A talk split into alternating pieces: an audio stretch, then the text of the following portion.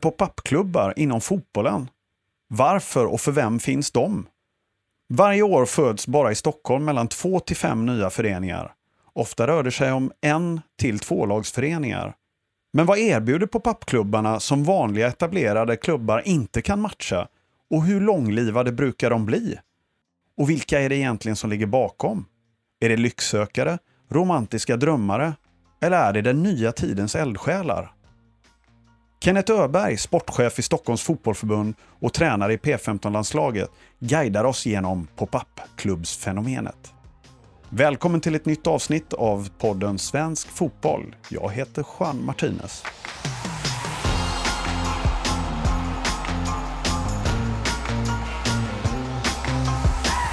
Kenneth Öberg, Stockholms fotbollförbund, sportchef och spelarutbildare. Välkommen! Tack så mycket. Vad är en pop-up-klubb? Pop-up-klubb, det är lite grann som, vi har pop-up-butiker idag, pop-up-restauranger eh, som smäller upp tillfälligt och, och på ett visst ställe eh, och finns med där ett tag för att sen kanske avveckla verksamheten. Och det är väl lite grann en trend vi ser också på, bland vissa klubbar. Eh, och det jag jobbar i Stockholm och vi ser eh, sen, sen en tid tillbaka att det här är någonting som ökar. Av olika skäl. Vad, är, vad brukar känneteckna en pop-up-klubb? Vad är liksom vad har, brukar de ha gemensamt de här nystartade verksamheterna? Vanligen en person som väljer att driva på någonting i en riktning, kanske för att få ett större spelrum och, och göra det han eller hon eh, tänkt sig. Eh, men inte lyckas i, i den befintliga verksamheten eller verksamheten de kommer ifrån. Har man oftast ett eh, ska vi säga, breddperspektiv på det hela eller vill man mer gå åt en eh, hårdare selektering? Eh, hur, hur, hur brukar det se ut där? Jag tror att det vanliga är att det ganska stort ökat nivågrupperat inslag i den här verksamheten. Sen om vi säger selektering eller, och, eller går in i ännu starkare termer som, som utslagning, så det, det är jag inte säker på. Men, men ofta är det åt nivågrupperingshållet och, och såklart att man får bilden av att den är elitinriktad. Kan också vara motsatsen, det vill säga att man bryter ur en verksamhet ur en miljö som man tycker är för elitinriktad för att starta upp en mjukare variant kanske. Är det ofta präglat av lycksökare eller alltså som vill tjäna pengar på det eller vill man att eh, är det kanske föräldrar som är missnöjda eller tycker att ens barn, det egna barnet inte får tillräcklig stimulans och utmaningar i den miljö de tidigare befunnit sig i? Jag tror skapligt sällan det finns ekonomiska motiv bakom. Eh, däremot så finns det nog eh, kopplat till det du säger med lycksökare, det finns nog, finns nog en hel del drömmar som man tror man hamnar närmare genom att kliva in i en sån här verksamhet man kanske kommer från en, en, en, större klubb med traditionell verksamhet, traditionell breddverksamhet och föräldratränare och man kanske erbjuds eh, genom att komma till en ny miljö som en popup-klubb, där man erbjuds kanske arvoderade ledare, träningstider som är fler eller bättre eller ja, andra typer av inslag. Man kanske har en aktivare säsong, man åker på turneringar på ett visst, ja, som, som man kanske inte fick i den tidigare hemmaklubben. Så att säga. Hur vanligt är fenomenet? Det startas ungefär två till fem nya barn och ungdomsföreningar i Stockholm varje år och har gjort det ungefär de senaste tio åren. Så den siffran har varit skapligt konstant. Men just pop-up begreppet har inte funnits i den omfattning som det gör nu. Och det är nog för att vi ser eh, de här verksamheterna som oftast handlar om eller kanske ett lag eller två lag i, i en förening. Ehm, där man kanske inte heller har för avsikt att växa. Sen så är det ju alltid en definitionsfråga där. När den där föreningen börjar växa, när den går från, från sina två lag till att faktiskt samla på sig och så är man sju och så är man elva. Då kanske man etablerar ett förening och sen så börjar man bygga mot ett A-lag och pojk och flickverksamhet. Så att, och det där finns ju också exempel på. Du nämnde någon gång Kenneth, jag hörde dig prata, så sa du att de här pop-up-klubbarna, det kanske är den nya tidens eldsjälar också. Kan det vara så? Att det är där eldsjälarna finns? Det finns ju mycket, mycket kraft och mycket åsikt i de som väljer att starta upp en egen verksamhet. Man, det, man visar ju tydligt att det här, den här verksamheten jag kommer ifrån kanske inte är tillräcklig för mig eller att, att kliva in i en befintlig verksamhet kanske inte ger mig det spelrummet jag, jag ska ha någonstans. Och då är man beredd att investera själv. Och det jag tror händer med en pop-up-miljö um, ehm, är att det frigörs ganska mycket energi. Dels så blir det lite vi mot världen kan det bli i, i, i, en sån situation att man startar upp någonting och man kanske kommer från olika håll till den här verksamheten och man enas om någonting som kanske då också är lite kontroversiellt. Det finns ju exempel på kontroversiella pop-up verksamheter och att alla inblandade enas runt det. Eh, att vara liksom, ja det är vi och vi ska göra det här och eh, man får en sån position. Liksom. Eh, men jag tror också att det blir så att i en, en helt nystartad verksamhet, ja, då finns inga kanslier på plats. Utan det, det blir liksom, kommer tillbaka till ett ideellt engagemang. Som, där man förväntar sig mycket av liksom, ja, kanske alla, alla inblandade, föräldrar och ledare. Det blir den här kraften i en pionjärverksamhet nästan som... Får Absolut, och det finns ju sådana exempel på pop-up-klubbar eller rättare sagt nystartade föreningar som går igång och, och, och bygger någonting. Och där kanske ambitionen inte är att vara just pop-up i den meningen att man tänker ta ner skylten inom kort. Utan man kanske bygger något större. Det finns, vi har ju två jätteexempel i Stockholm. Två IFK-föreningar faktiskt som Ja, de startade 08 respektive 04 eller liknande. Då. IFK Haninge 04 och det är 07-08 där någonstans, IFK Stocksund. Som nu är uppe liksom i division 2 och division 1 med verksamheten. Stor och bred verksamhet med både pojkar och flickor. Och där man liksom började med, i Haninges fall, fyra lag och i IFK Stocksunds fall med, med ett lag, pojkar födda 00. Och det här är ju nu cirka 12-15 år sedan tillbaka. Men det är liksom etablerade stora verksamheter i Stockholmsfotbollen. Ja, du nämner ju två av Sveriges största föreningar då, som, som har vuxit enormt. De är väl topp 30 ändå i storlek idag ja, i Sverige. Mm. Absolut.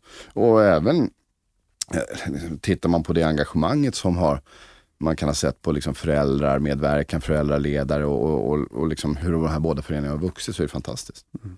Så det är ju en kraft i det här med nystartandet och just att man känner att man kanske påverkar någonting mycket närmare och det ligger när, närmare hjärtat. Jag tänker på, du, du sa förut att uh, ofta är det ju klubbar, de här pop-up-klubbarna bildas med ett syfte att driva en lite mer elitinriktad verksamhet. Vi har ju sett lite fall runt om i Sverige. Bland annat finns ett uppmärksammat fall i Helsingborg nu med en förening som uh, Helsingborg City där som var med i SVT i det här mötet då och fick debattera med Just med en företrädare för AIK. Hur ser du på sånt? Alltså det, är, det är ju en ganska extrem verksamhet som presenteras ändå i mångas ögon. att att man börjar med jättetidig selektering och det var till och med tal om, om bestraffningar och så här. Hur ser man från förbundssidan på sånt? Ja, nu kan inte jag recensera den verksamheten, jag har inte sett den Nej, i närbild. Men det är klart att när vi, vi får ju alltid information till, jag jobbar på Stockholms fotbollsförbund som är det största förbundet och vi får mycket information och, och, och, kan höra, få signaler och rykten och det ena och det andra. Och, och det är klart att det är, är, det riktigt stökigt så följer vi upp och försöker träffa företrädare för föreningarna såklart för, för att titta hur, hur är det här. I just det fallet i, i Helsingborg så, så har man varit väldigt, väldigt tydlig i sin kommunikation runt elitverksamhet. Vilket har gjort att det har fått väldigt mycket uppmärksamhet. Och jag kan inte säga om den verksamheten är, är, är, är, bra eller dålig i grunden. För det måste man nog vara där och titta på. Mm. Men en sak jag tänker att det kan finnas godartade verksamheter inriktningsmässigt. Beroende såklart på vad man tycker. Men där verksamheten kanske inte är lika bra som den säger. Och omvänt så kan det finnas verksamheter som vid första anblick ser, ser oj, oj, oj, vad är det här? Som kanske har en jättebra verksamhet. Och där har vi ju runt omkring i hela fotbollen över hela landet. Har du exempel där på någon klubb? Jag kan inte hänga ut en klubb som kanske ser ut att ha en bra verksamhet men inte har det. Men, eh, nej, men eh, det finns säkert många verksamheter som även är i pop-up-läget. Ja, det finns ju till exempel ett 05-lag i Stockholm som är topp 5 i Sverige. Kopplat till det, nu recenserar jag hur bra de är att spela fotboll. Hur verksamheten ser ut, det kan jag inte tala för, men den är ju attraktiv för många. Mm om vi tittar på de här då som vi kallar då liksom extremfallen då, nu, nu ska vi inte hänga ut Helsingborg City här som var uppmärksammat i SVT, ja. men den där typen av verksamhet som verkar uppstå som pop-up-fenomen, alltså lite mer elitistiskt. Jag tänker också att man kan vända på det och säga den här typen av satsningar finns ju redan i akademiverksamheten. Väldigt hårt selekterad verksamhet tidigt där barn får reda på att de inte duger för första laget. Är det någon skillnad egentligen? Liksom? Ja, det finns ju en stor skillnad. Vanligen så är det så, i Stockholm är det ofta så att de som bedriver selekterad verksamhet och, och framförallt de som bedriver den tidigast i Stockholm, och det är de två största föreningarna i Stockholm dessutom, Hammarby och Brommapojkarna i omvänd ordning. Men de är ju också öppna för alla. Och där kan man säga att det är en stor skillnad mot en pop-up-verksamhet. Att det är inte alltid traditionellt de är öppna för alla och där, det är väl en, en viktig poäng. Brommapojkarna, ja, precis som har, har en eh, selekterande verksamhet från åtta års ålder. Men de har också upp till 20 lag, 20-30 lag till pojkar och flickor tillsammans i, i varje ålderskull. Ganska långt upp i åldern. Du, eh, Kenneth, ditt generella råd till föräldrar som funderar på att byta eh, klubb för sina barn. Att det dyker upp en sån här pop-up-klubb. Ska vi testa det istället? Vad, vad, vad skulle du säga till en förälder som kommer och frågar? Ska jag byta förening för mitt barn? Nej men det är precis som alltid, ska du byta förening och du ska gå till en etablerad verksamhet så handlar det om vilka står där varje dag. Jag tror att det, det handlar om, hela barn och ungdomsidrotten handlar om att, att samla bra vuxna runt, runt barn. Eh, och, och, det är väl den första frågeställningen man ska ha. Sen ska, bör man ju tänka på liksom, i termer av kort och långsiktighet. Därför som jag sa, jag, det jag lägger in i en pop-up också är att den är, den är tillfällig, den är, den är tidsbegränsad i någon mening. Och sen är det ju så att du behöver ju alltid lämna din hemmaplan någon gång om du ska lyckas i fotboll. Eh, men, men man bör se över det där. Hur ofta skulle man vilja att ens barn bytte skolverksamhet till exempel? Det tror jag är väl en sån man bör titta. Kommer det här handla om ett år eller två år eller tre år? Det gäller ju oavsett om du byter mellan etablerade verksamhet. Tittar man, det är en ganska intressant eh, iakttagelse om man tittar på de tio spelarna från Stockholm som deltog i EM-kvalet. Nu blev det inget EM, men de tio spelarna som deltog i EM-kvalet. De Vilken hade, ålder pratar vi om? Ja, A-landslag. Ja. Eh, de hade en, eh, två saker gemensamt. Det ena var att de kom från akademier i det här fallet och det, och det, det sätter vi inom parentes här. Men det mest intressanta var att eh, de hade inte bytt klubb på vägen. De kom från en och samma klubb. Eh, vilket var högintressant. Och jag har hört klubbledare eh, i Stockholm med, med liksom 30 plus år eh, i branschen säga bytare lyckas inte oftast. Men det där, mm. det kan vara kopplat till, till gammal, gammal statistik, valda sanningar och så. Men, men jag tror generellt sett att går du in i en pop-up så kommer du byta från den. Mm. Eh, du kommer bli tvungen att avsluta i den också. Och, och, det är någonting man i sådana fall ska ta hänsyn till. Men, men sen är det ju så med, med inriktning. All, alla barn och ungdomsverksamheter, eller alla föreningar är ju suveräna liksom, i, i vilket inriktningsval de har.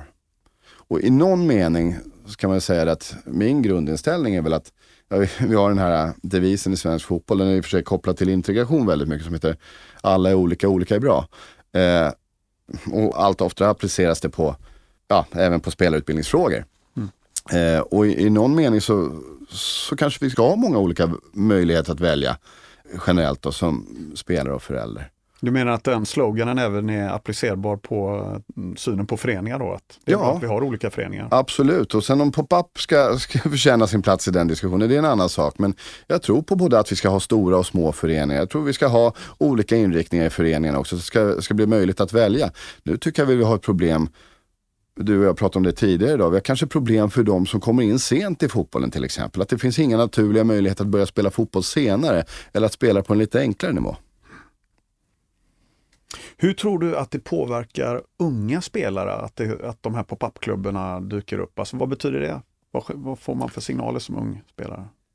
Ja, men det, det där beror nog lite på. Å ena sidan så är jag inte säker på att det alltid påverkar alls. För att om vi tittar på det här med, med liksom klubbkänsla Eh, så är det ju någonting som vi ser nästan en lite vikande trend på, tyvärr. Det vi växte upp med själva med klubbhuset och vi kände dem i föreningen kanske och sådär.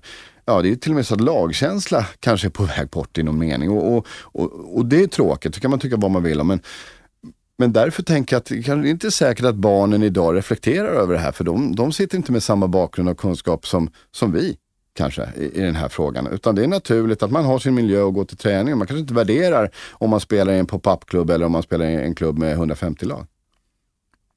Om vi tittar framåt Kenneth, eh, hur, många, hur stor chans är det att pop-up-klubbar överlever om man bara har ett, två lag? Nej, ja, om man bestämmer sig för att ha ett till två lag, ja, då finns ju två varianter. Antingen så tar man det laget från, vi säger att de startar vid nio år och så, så upp till, till en seniorverksamhet. Och det det har ju inte hänt ännu. Tror jag. Så jag tror att den är tidsbegränsad och jag tror att den kommer bryta upp på vägen. Och det är ju som sagt, i de uppbrotten är jag inte säker på att det alltid går så, så bra till för alla som man skulle önska. Och det är någonting att ta i beaktande som förälder då också för sina barn, att man är medveten om att det här kommer kanske inte vara för evigt. Ja absolut. Och Tyvärr kanske så finns det en kortsiktighet även i, i, bland föräldrarna här. Att man tittar på just nu finns det en bra verksamhet om jag rör mig mot den här miljön. För att man ska veta att en verksamhet i en pop-up-miljö kan ju vara mycket bättre än en verksamhet i en, i en, ja, i en storklubbsmiljö också. Det, återigen så handlar det om vem som står där varje dag. Finns det risk att man attraherar eh, lycksökare inom fotbollen? Lycksökare är ju någon, ett ord som jag ofta använder kopplat till pop-up. Man, man kan säga så här att en vanlig bild av en pop-up-klubb är att du, du, tidigt kanske erbjuder en, en, en miljö som erbjuder någonting extra i form av spelarutbildning. Ja, om det är en nivågrupperad verksamhet eller att du står med, med arvoderade tränare, att du har någon typ av seriös prägel på verksamheten. Och det blir attraktivt kanske för en förälder och en spelare som kommer från en verksamhet som inte har de inslagen i sin verksamhet. Vilket gör att det, det rör sig folk från, från en etablerad förening kanske då mot en pop-up med drömmen, förhoppningen om att det här ska bli någonting extra spelutvecklingsmässigt. Du är ju själv från, du eh, har verkat ute i Nacka mm. utanför Stockholm och där är det ju faktiskt ett område där det har varit en del pop-up eh, vet jag. Eh, unga spelare byter klubbadress ganska ofta eh, där ute. Tror du att fenomenet är här för att stanna eller är det, liksom, är det, en, är det en flyktig sak det här med den här typen av men just i Nacka så var det nog, har det nog varit en lokal företeelse. Det har nästan blivit som en, jag ska inte säga en kultur, men man har, man har sett exemplen och, och jag tror också det kan vara kopplat till eh, liksom, det klientellet av människor som är på en viss plats. Där är man ju nog van att organisera runt sig. Det är inte som en så svår sak kanske att starta upp en, en förening om det nu gagnar mig själv på ett eller annat sätt. Eh, tror jag kan vara ett liksom, skäl där. Samtidigt som det kanske funnits missnöje med, med den befintliga verksamheten där man har varit. Om man tittar på, okej, okay, hur kan vi göra det själv?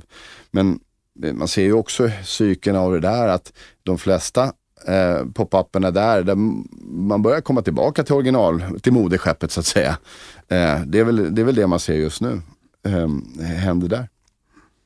Du, sammanfattningsvis eh, Kenneth, mm. Om du måste ta ställning, bu eller bä, när det gäller pop-up-klubbar? Och motivera gärna ditt svar. Nej, jag tror både bu och bä faktiskt, om jag ska vara ärlig. Eh, jag tror att det finns många, många bra barndomar som har ägt rum i en pop-up-klubb också. Och om vi nu ska gå ner på det så, så tror jag att det är egentligen det som är viktigt i det här. Eh, jag, jag, är precis säkert som du att jag, jag drömmer om den fina föreningen och föreningsandan och Eh, och, och, klubbhuset och att man känner dem runt omkring och materialförvaltaren som går där. Men det är inte säkert att den där tiden riktigt finns kvar. Och ehm, ja, ja, ja, där någonstans tror jag. I de fallen kan det faktiskt vara så att en pop-up-klubb fyller ett behov då, tänker du? Absolut.